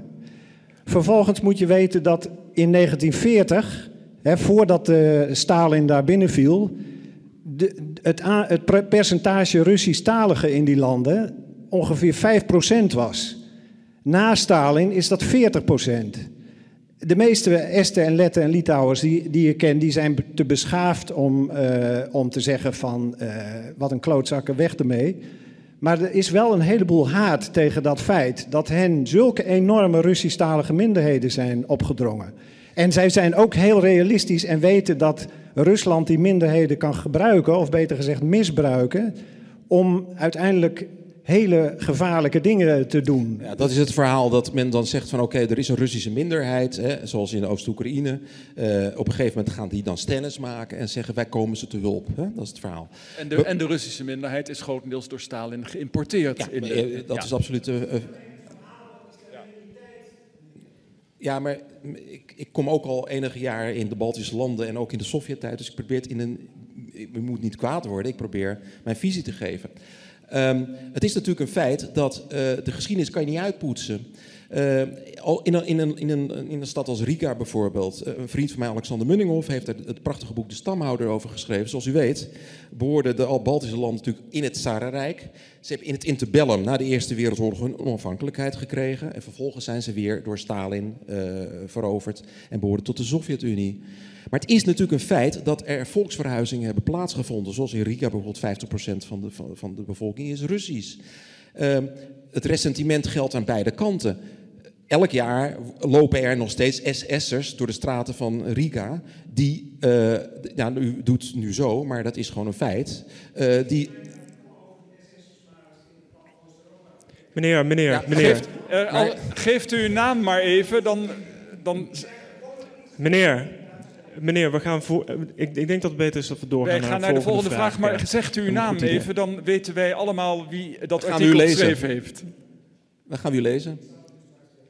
Goed. Ook goed. Ja. U wil mij niet uw naam zeggen. Ik heet Pieter Waterdrinker. Oké. Okay. dan achterin de is de volgende vraag. vraag. Ja. Dank u wel. Ik heb, ik heb twee vragen. Meneer Philipsen, u had het uh, zojuist over de sociale voorzieningen. Dat is precies het punt dat ik aan de heer eh, Waterdrinker wil stellen, de vraag. U sprak over de puissant rijke Russen, de 5% of wat dan ook, en de midden, het middenstand, maar laten we wel wezen, en dan sprak de heer Philips over de sociale voorzieningen, er zijn onaanzienlijk, onaanzienlijk een groot aantal mensen in, Rus, in Rusland die overgeleverd zijn aan de bedelstaf. Die dus hebben niet weten te profiteren van de economische misschien vooruitgang. Nou, het tweede punt wat ik heb, wat is, is dit een vraag of een opmerking? Een vraag. Een, een vraag. En het tweede punt wat ik heb. Uh, wat is uw beschouwing, uw eigen beschouwing met betrekking tot de militaire presentie van Rusland in Syrië? Waarom zijn ze daar? En welke belangen zijn ze daar bezig om die te bevredigen? Naast de Amerikanen die daar ook uh, absoluut aanwezig zijn. Twee moeilijke vragen om te beantwoorden. Uh, het is zo dat, um, wat ik zei, dat, dat, dat, dat de, de, sociale verhoudingen, verhoudingen man-rijk, uh, arm en vrouw, man, vrouw, arm en rijk, 19e eeuw zijn.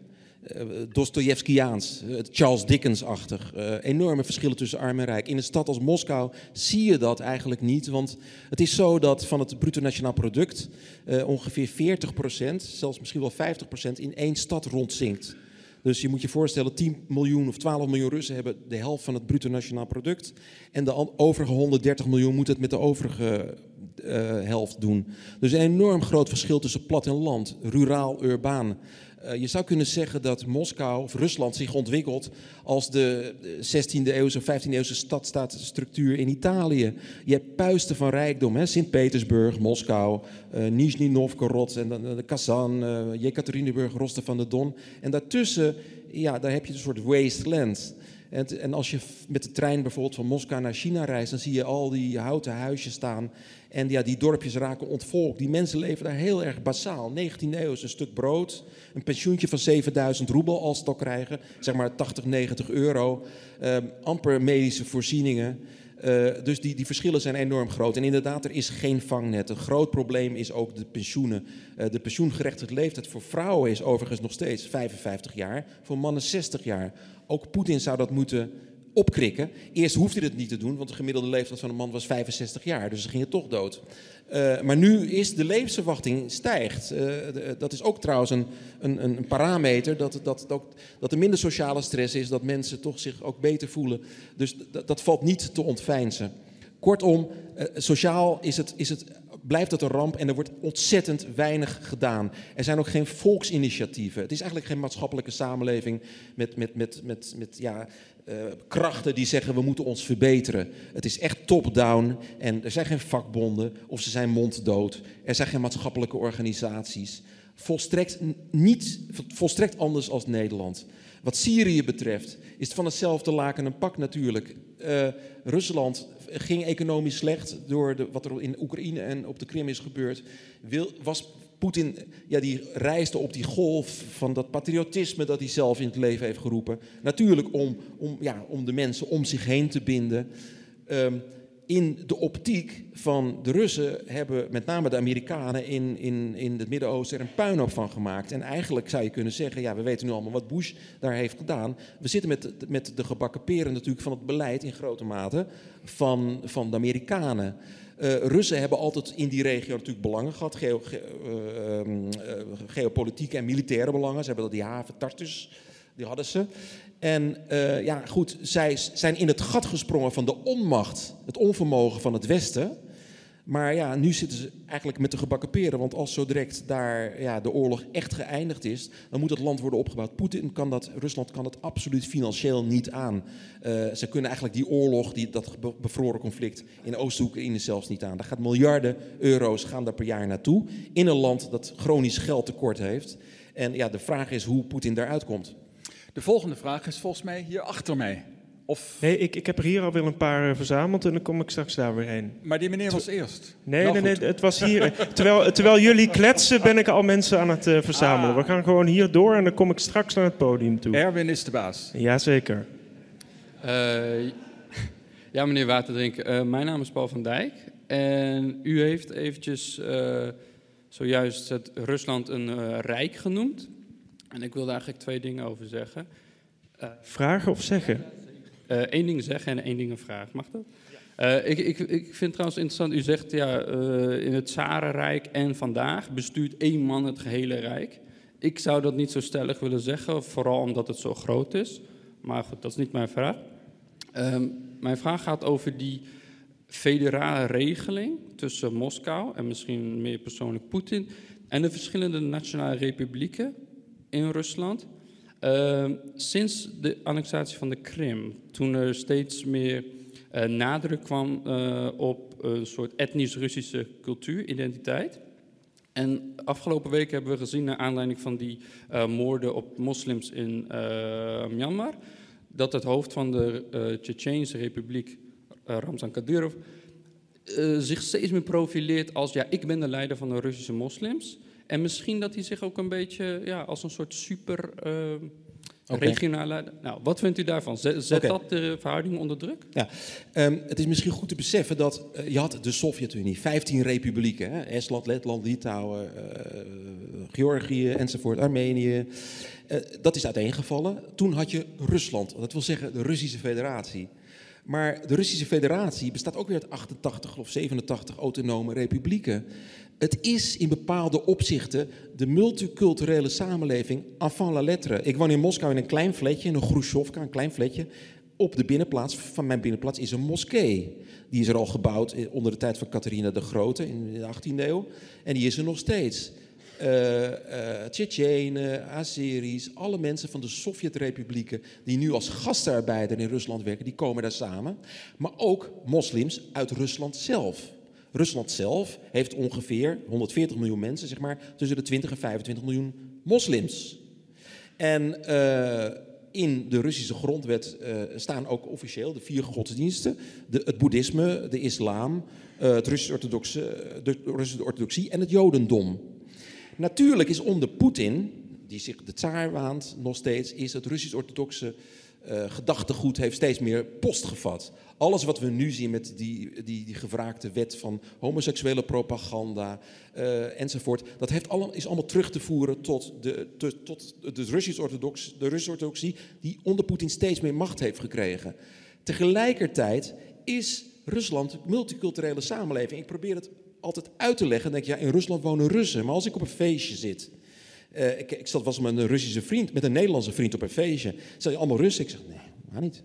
Hoezo? Nou, ik zeg, die is, die, dat, is een, dat is een Tataar, die komt uit Tatarstan. Dat is een paar uurtjes van Moskou, een eigen republiekje. En die hebben daar allemaal moskeeën. En, en je hebt daar een oud, oud Kremlin ook. En binnen dat Kremlin staat een gigantische moskee.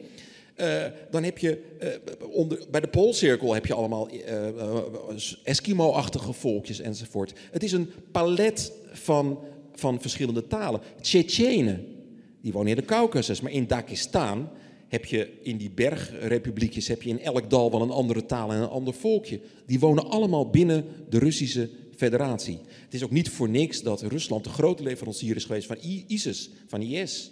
Op dit moment, we hebben het over de terugkeer hier in Nederland en in het Westen van, van strijders voor, voor IS. Maar het grootste probleem is misschien wel Rusland. Want ja, er is een bepaald soort autonomie in de Caucasus aan de gang. En zeker in Tsjetsjenië, zeker in Tsjetsjenië, waar heel veel ja, jonge jihadisten, moslims, die daar gewoon geen werk hebben, die niet aan de bak kunnen komen, door, daardoor lokale molla's en, en salafisten worden geworven. En die hebben, hebben gevochten in, in ISIS-gebied. Ze waren echt de, grootste leveranciers. En sommigen die niet uh, zijn uh, doodgeschoten, keren daar nu terug. Ramzan Kadyrov is een apart verhaal. Er zijn twee Tsjetsjeense oorlogen gevoerd. Ik, ik, heb ze helaas zelf meegemaakt in de jaren negentig. Uh, we weten allemaal, wij hebben nu te maken in Europa met moslimterrorisme. Uh, en het lijkt wel alsof het uit de lucht komt vallen. Maar toen ik in de jaar, eind jaren 90 in Moskou woonde, waren er constant bomaanslagen in de Moskouse metro. Dan was de metro reed het weer niet. En vervolgens hoorde je dat er weer sirenes waren en mensen uh, werden. Dus bomgordelvrouwen in Tsjetsjenië. We hebben toen het gijzeldrama gehad in dat theater in Moskou. We hebben Beslan gehad. Dus moslimterrorisme avant la lettre was daar ook in Rusland heel gek ook dat, uh, dat op het punt door de, ja, zeg maar de koude oorlogssfeer tussen het Westen en het Oosten, dat de geheime diensten ook helemaal niet meer informatie willen uitgeven op dat niveau. Al die, al die lijnen zijn afgesloten. Ongelooflijk, want uh, ja, het is natuurlijk een, een, een wereldvraagstuk. En uh, heel veel dingen vragen om, om internationale uh, toenadering. En ja, door, door de huidige politieke situatie na de Krim en Oekraïne zijn al die lijnen ook op het gebied van strijd tegen moslimterreur uh, afgesneden, helaas. Had u toen Trump werd verkozen een kleine hoop dat de relatie met Rusland en de NATO enzovoort zou verbeteren? Of dacht u dat wordt niks? Ik, ik, ik, had, ik was toen eh, die avond, ik zat met Dirk Sauer, die kent u allemaal ongetwijfeld, zaten we erover te praten en we zeiden twee, drie weken romance en vervolgens alleen maar uh, uh, ruzie. Ze lijken te veel op elkaar. Je zou kunnen zeggen dat ook Trump eigenlijk een soort Poetin is met, met een ander kapsel. Het is natuurlijk. En, en, en, en wat, het, wat het gekke is, is dat die Russen, die vinden het allemaal prachtig, hè? Uh, kijk, toen. Uh, de Russen zijn natuurlijk. Ik bedoel, daar, ja, wat ik zeg, de verhoudingen man en vrouw. Het is een macho-samenleving. Toen uh, Clinton, toen zat ik ook wel in Rusland, die affaire had met die sigaar en Monica Lewinsky. Je kon geen taxi binnenstappen in Moskou. Ja, Clinton zo, hè? echte man. ik bedoel, dat vinden ze allemaal prachtig natuurlijk. En, en eigenlijk, er is nu een enorme schadefreude. Je moet je voorstellen dat heel veel Russen en ook het Russische, ja, de, de, de coterie rond Poetin, die heel rijk zijn en die over de hele wereld huizen en buitenhuizen hebben, hebben twee dingen. Ze hebben een minderwaardigheidscomplex. Vanwege het feit dat ze uit de Sovjet-Unie komen en arm zijn opgegroeid, vaak in keukentjes met een stuk worst voor, voor één week. En ze zijn nu miljardair geworden. En tegelijkertijd hebben ze een superioriteitscomplex. Want nu ze in het Westen komen, zien ze: jongen, jullie zijn gek in het Westen. Ik, ik zeg ook, dat is moeilijk uit te leggen. Ik kwam iemand van het Kremlin tegen. En toen zei ik: van uh, ja, de minister-president hier die verdient uh, 7000 euro in de maand of zo. Hij zei: ja, 7000 euro. Zodra je aan de macht zit, uh, kan je roven. Ik zei dat dat niet kan, dat dat absoluut uitgesloten was. En die man die een hoge positie binnen het Kremlin was, die geloofde mij niet. Omdat een politieke functie in Rusland, als, als zit je in de Duma, het lagerhuis, betekent meteen, du moment dat je erin zit, dat je, dat je kan gaan cashen. Politiek, politieke macht en economische macht zijn met elkaar verweven in Rusland. En uh, daardoor zijn ze vaak ook, omdat ze zo immens rijk zijn geworden, kijken ze in bepaalde opzicht op het Westen neer. Tegelijkertijd hebben ze dat minderwaardigheidscomplex. En um, I lost my train of thought, want ik zou nog iets uh, willen vertellen, maar um, een, een, een we kunnen ondertussen wel een, een, nieuwe vraag doen. Er zijn nog veel vragen, dus ja. uh, we, moeten, we moeten het misschien ook nog even over Turkije hebben en zo. Maar er zijn zoveel onderwerpen, dus laten we, we het laten even het van het publiek overlaten. afhangen. Laten we dat... Uh, ga je gang. Uh, ik studeer Russisch in Leiden. En vaak als ik dat vertel aan mensen om me heen, dan krijg ik het verwijt van, ja, jij bent een Poetinist zeker en daarom ga je Russisch studeren. mijn bijnaam is sinds kort ook Poetin, dus ja. Um, maar dat zette mij wel aan het denken. Uh, daar mijn vraag. vindt u dat wij als Nederland, als handelsnatie, onze morele bezwaren tegenover Poetin en zijn regeerstijl aan de kant moeten zetten en juist toenadering moeten zoeken en ja, die, die kansen die in Rusland liggen juist moeten pakken? Nou, dat zal al te cynisch zijn, want dan, je, hebt, het eeuwenoude verhaal van de dominee en de koopman natuurlijk hè, in dit geval. Um, ik vind dat um, Rusland is wat het is, maar het heeft tegelijkertijd wel het handvest van de Raad van Europa ondertekend. Uh, dus dat is een verdrag en daar moet je aan houden. Zoals er ook natuurlijk internationaal rechtelijk regels zijn waar je je ook aan moet houden. Maar het punt is natuurlijk dat de afgelopen decennia in de optiek van de Russen uh, het Westen natuurlijk gewoon ze, beschuldigen het Westen altijd van dubbele maatstaven te hanteren. En hebben ze het altijd over de oorlog in, in Joegoslavië, dat de NAVO Kosovo, althans na aanleiding van Kosovo, ging bombarderen tegen de beslissing van de Veiligheidsraad in. Men heeft het over het eigenmachtig optreden van Amerikanen in, in, in, in Irak enzovoort. Dus eh, veel Russen zien dat als een, als een vrijbrief om ook te gaan handelen. De internationale politiek is cynisch. Je hebt het internationaal recht, maar het wordt aan beide kanten vaak wordt het, wordt het, uh, overtreden. Ik denk dat, dat, er, dat er als er een oplossing moet komen, dat, uh, dat er van beide kanten natuurlijk altijd uh, water bij de wijn moet worden gedaan ik ben er heilig van overtuigd dat de Krim, die gaat niet meer terug. Dat, dat, dat, station is gepasseerd. We kunnen dan wel zeggen, ja jongens, dat is tegen het internationaal recht. Maar er zijn natuurlijk in de, in de oorlog zijn natuurlijk heel veel dingen gebeurd uh, die eigenlijk niet, die uiteindelijk genormaliseerd moeten worden. Wat zou je kunnen doen, de koopman en de dominee? Er is nu een sanctieregime. Je kan zeggen, oké, dat sanctieregime dat treft Rusland, maar wie treft het? Bijvoorbeeld mijn zwager. Die, die jonge haat, die heeft, die heeft niets met Poetin, om het mild uit te drukken. Uh, die, die heeft een klein bedrijfje in glycerine, die handelt erin. En die is door, door, door het systeem, die jongen kan amper zijn hand boven water, zijn hoofd boven water houden. Die, dat soort mensen, die zijn natuurlijk altijd als eerste die lijden, de anonieme mensen. Kijk, en de, de, de, de club rond Poetin, tot op het laatst zullen ze gaan om, om niet toe te geven aan het Westen. Wat moet je doen? Um, um, Kijk, uh, we hebben de, in Rusland heb je nu de, de theorie van, ja, jullie in het Westen hebben altijd goede bedoelingen, maar het werkt zo slecht uit. Je kan natuurlijk zeggen, ja, wij hebben uitgangspunten in het Westen gecreëerd vanuit rechtsfilosofisch standpunt of gecodificeerd in de Europese wetgeving. We moeten dat en we moeten dat doen. Uh, we moeten mensen helpen. We, iemand die. Maar, maar ja, jongens, waar leidt dat toe? Als goede bedoelingen tot slechte zaken leiden, bijvoorbeeld in Syrië, dan zou je misschien je goede bedoelingen wat moeten terug, niet terugschroeven, maar niet zo snel moeten implementeren. En ik denk dat, dat we eigenlijk te maken hebben met, met een filosofische clash. Uh, aan de ene kant heb je het, gele, het cynische geopolitieke spel. Gewoon landje pik. Wie heeft wat waar voor het zeggen? Dat was na de Koude Oorlog was dat bevroren. Maar sinds het einde van de, van het uiteenvallen van de Sovjet-Unie is het wat dan heet het Concert of Europe, hè? het 19e eeuwse machtsspel is weer helemaal terug. En de Russen begrijpen dat. Daarom zitten de Russen ook te stoken. Die vinden de, Brexit vinden ze fantastisch. En ze proberen nu weer band aan te knopen met, met Macron. Heel een spelletje van jongens, uh, verdeel en heer, zoals het in de 19e eeuw werd gebeurd. Dat spel is nu aan de gang. Wij zullen ons, onze hoofd moeten omgooien dat dit aan de gang is. En we zullen daar ook slim in moeten worden. Dat, dat, dat het internationale toneel, het schaakspel, is een soort schaken geworden. En, en, en ja, daar zullen we aan moeten wennen. Adviezen aan Rutte op dit punt? Nou, ik denk dat Rutte uh, uh, wordt voorgelicht door mensen die ik toevallig ken. En heel veel van die mensen die, die denken ook vrij legalistisch. Het punt is altijd, heel veel mensen die de minister voorlichten, of de Kamer voorlichten, van de ambassades, die denken altijd, ik moet alles doen om de minister niet in de problemen te brengen, zodat er geen Kamervragen worden gesteld. Uh, dat geldt ook voor het dossier van de MA17. Ik bedoel, daar hebben we het nog niet over gehad, maar uh, het was voor mij wel de aanleiding om, om, om dit boek te schrijven, Pobel. Om, ik was daar in de Oekraïne vanaf het allereerste begin op de Maidan. Ik heb dat gezien, ik was die, die, die bezetting van de Krim en uiteindelijk in Oost-Oekraïne dat die oorlog losbrak. En um, ik ben eigenlijk veel te oud voor dat soort werk. Want ik zeg altijd, oorlogsjournalistiek en seks, dat is voor jonge mensen.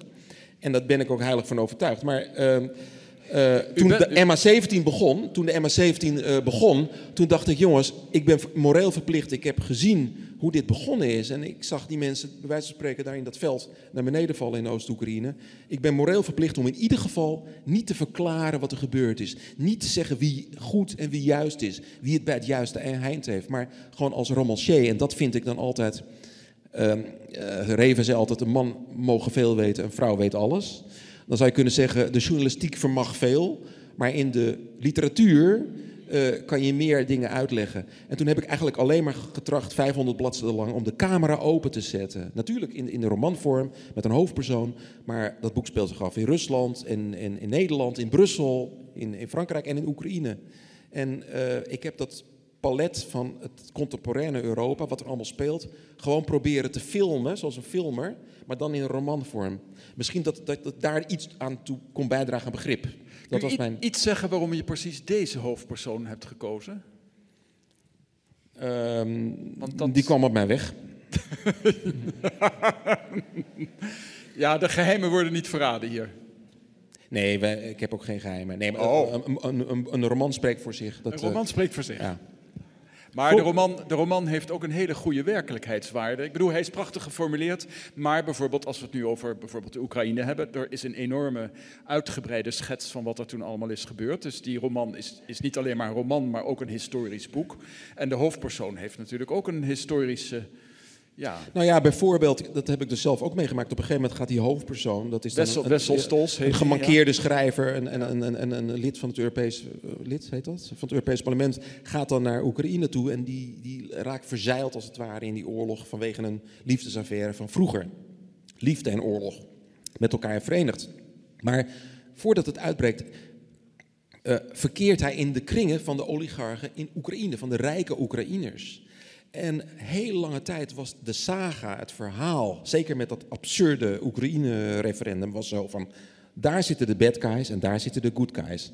Poetin en, en, en dat waren allemaal de slechterikken. En in Oekraïne zaten de mensen die het allemaal het beste willen. Maar jongens, de werkelijkheid, en zeker in de voormalige Sovjet-Unie, is altijd in tussentonen. En uh, hij, hij, ziet dan, als, voordat de revolutie daar nog plaatsvindt, komt er daar in kasteelachtige huizen met een enorme weelde, waar het cynisme ten top is. En dat soort werelden die, die hij meemaakt in die roman, die bestaan nog steeds. Want as we speak, ja, meneer Parashenko is nu de president van Oekraïne. Maar ik ken meneer Parashenko al sinds 97. Hij was daar, namelijk in het stadje Vinica in West-Oekraïne, was hij gewoon de bierkoning enzovoort. Een klein, klein maffiabaasje was hij.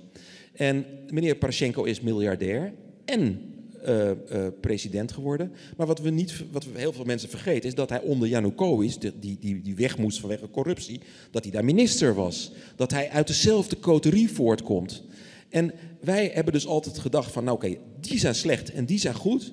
Maar wat je nu op, op, op het moment in de Oekraïne ziet, uh, tweeënhalf jaar na dato, is dat de persvrijheid wordt onderdrukt, dat er absurd weinig wordt gedaan aan de corruptie, dat men wel eh, niet alleen lippendienst bewijst, maar ook een aantal wetten aanneemt van, van Europa. Dat is absoluut waar. Maar dat het, het fundament zo verrot is dat je eigenlijk de vraag zou kunnen stellen: jongens, zijn wij met, met, met het toekennen, met, met, met het benaderen van de Oekraïne niet te vroeg geweest? Want dat is natuurlijk altijd een punt. De tijd, het tijdpunt, de, de, de, de, timing. Natuurlijk willen we dat, dat uiteindelijk de hele wereld zo leeft als wij. Maar om één voorbeeld nog te geven over, over Tsjetsjenië. Stel dat Rusland morgen een democratie is. Dat hoop je. Ik bedoel, ik denk dat er geen betere vorm is dan een democratie. Dus dat er een soort D66-achtige president in het Kremlin zit. Nou, dan moet je dus al de wet uitvoeren. Dan zou Tsjetsjenië bijvoorbeeld volgens alle parameters van het internationaal recht zou onafhankelijk moeten worden. Maar tegelijkertijd krijg je dan te maken met wat er nu in Catalonië speelt. Het is maakt deel uit van, van het Russische Rijk. Uh, het is, uh, moeten we dat we onafhankelijkheid wat toekennen? Want als, als we dat doen, dan, dan vallen andere delen van Rusland ook uiteen. Zoals het ook gaat gebeuren met Catalonië. Dan gaan de Basken weer op, opspelen enzovoort. Die gevaren dreigen. Daar zit die D66-president, die dan Poetin heeft opgevolgd, mee opgescheept. Maar veel belangrijker ding is, dat kan hij niet oplossen. Hoe heeft Poetin dat opgelost? Die heeft dat opgelost door te zeggen, we hebben twee oorlogen gehad met tienduizenden doden. Oké, daar zit die Kadirov. Die man deugt voor geen meter. Hij, ik, ik ben daar geweest. Ik ben in zijn paleis geweest.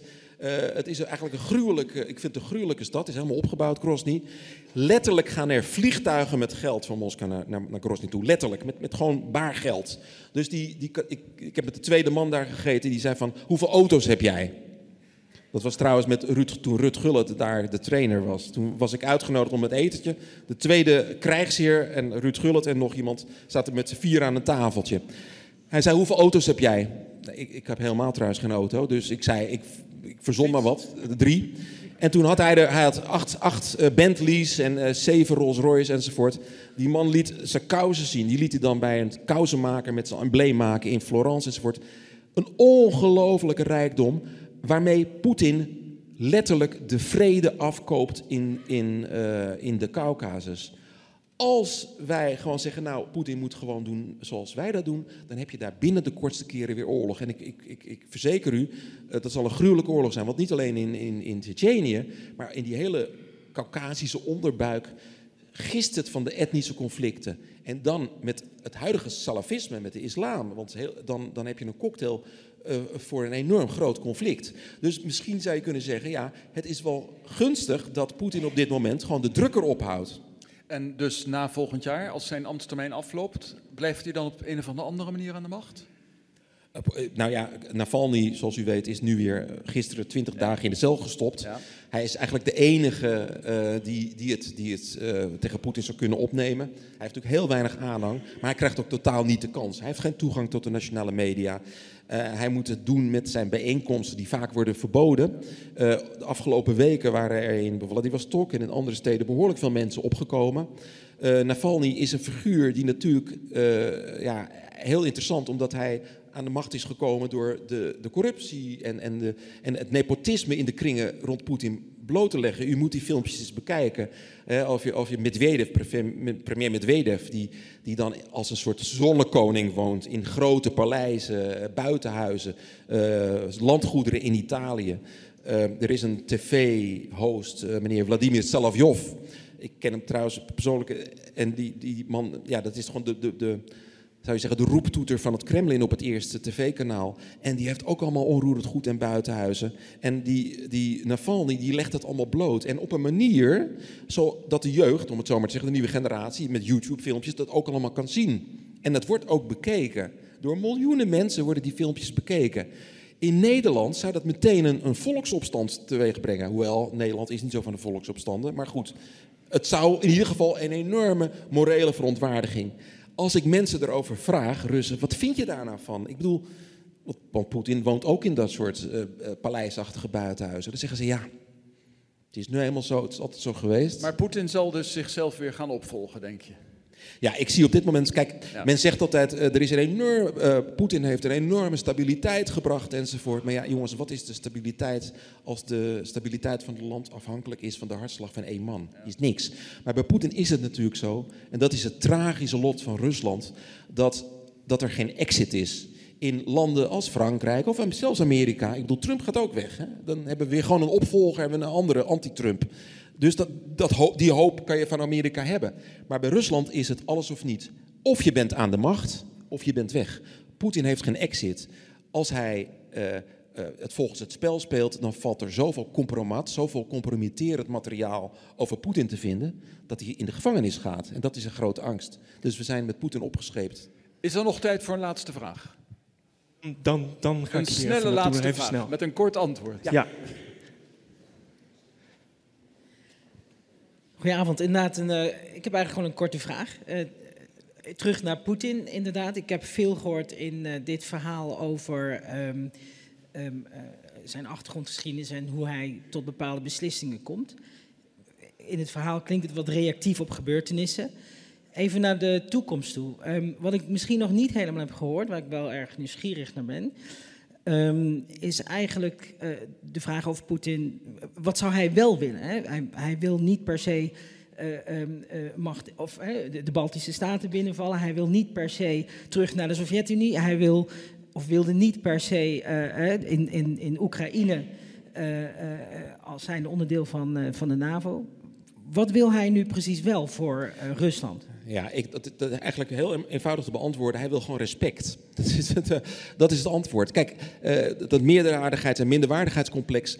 Rusland voelt zich op een bepaalde manier na de val van de Sovjet-Unie niet terecht behandeld door het Westen. Of dat juist is of niet, daar kan je over reden twisten. Maar dat gevoel bestaat. Je kan zeggen, bestaat God of niet?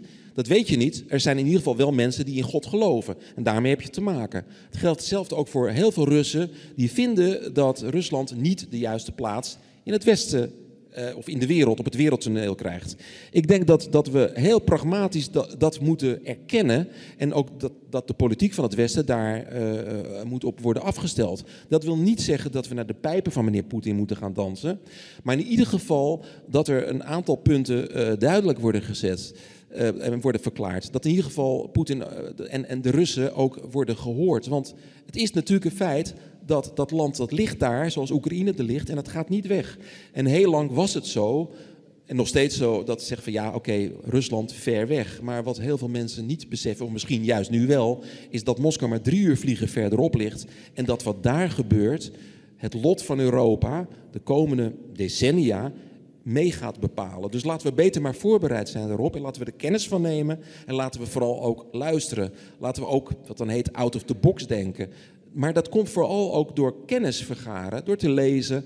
Wat niet wil zeggen dat je, het, dat je het met die Russen eens moet zijn. Helemaal niet. Maar misschien moeten we ook wel een keer ons eigen falen erkennen in het Westen. Dat we zeggen, ja jongens, uh, onze uitgangspunten, als we die alleen maar in extrema gaan doorvoeren, dan, dan, dan loopt dat ook vast wederom in het prikkeldraad van de werkelijkheid. En dat zien we met Europese droom, om het zo maar te zeggen. We zien dat op dit moment de oude sentimenten helaas weer opspelen in Polen, in Hongarije, de Visegrad-landen, Tsjechië enzovoort. Maar wederom, wij, toen de Sovjet-Unie uiteenviel, had je Fukuyama, zeiden van het einde van de geschiedenis. Nu gaan we allemaal zo worden. De, de, de oorlog is voorbij, we worden allemaal nu, alle mensen weer de broeder. Maar de demonen van de geschiedenis komen altijd weer terug. Um, daarom begrijp ik ook niet, correct me even aan wrong, dat op sommige scholen in Nederland het vak geschiedenis geschrapt is. Een grote schande. Want juist mensen die gevoelig zijn, zal ik maar zeggen, voor populistische sentimenten, zouden die, dat soort mensen zou je juist ook moeten onderwijzen. Dus kennis, begrip en uh, hoop en liefde. Dat lijkt mij een prachtig slotwoord, Pieter.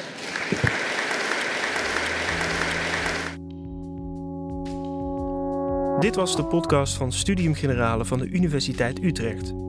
Wil je meer lezingen luisteren? Check dan de playlist op Spotify en iTunes. Of ga naar onze website sg.uu.nl/podcast.